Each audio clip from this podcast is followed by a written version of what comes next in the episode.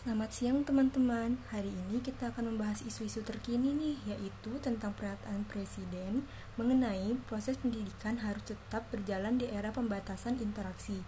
Nah, pernyataan beliau adalah beliau mengharapkan masyarakat berinovasi untuk memfasilitasi siswa belajar di mana saja dan kapan saja.